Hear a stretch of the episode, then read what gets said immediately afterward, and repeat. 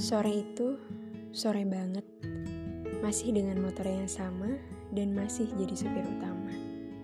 Tak lupa sang mama yang selama ini selalu ada. Aku inget banget waktu itu mamaku pernah bilang, cari jodoh itu yang mapan. Tapi aku belum nanya, mapan itu gimana sih menurut mamaku?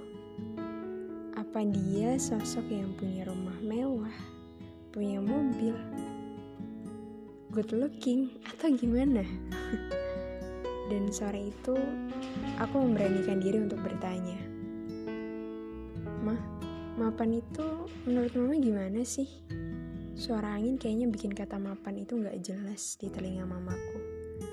Aku pun mengulang dengan pertanyaan yang sama. Namun kali ini lebih keras. Tahu nggak apa jawaban mamaku? Beliau bilang mapan. Mapan itu ketika dia bisa ngertiin kamu dan kamu bisa ngertiin dia. Hmm speechless banget denger jawaban beliau. Gak nyangka. Ini bukan jawaban biasa tapi istimewa buat aku.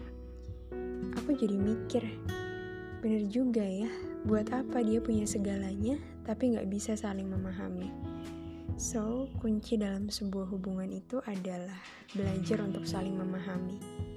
Dan itu semua dimulai dari memahami diri kita sendiri.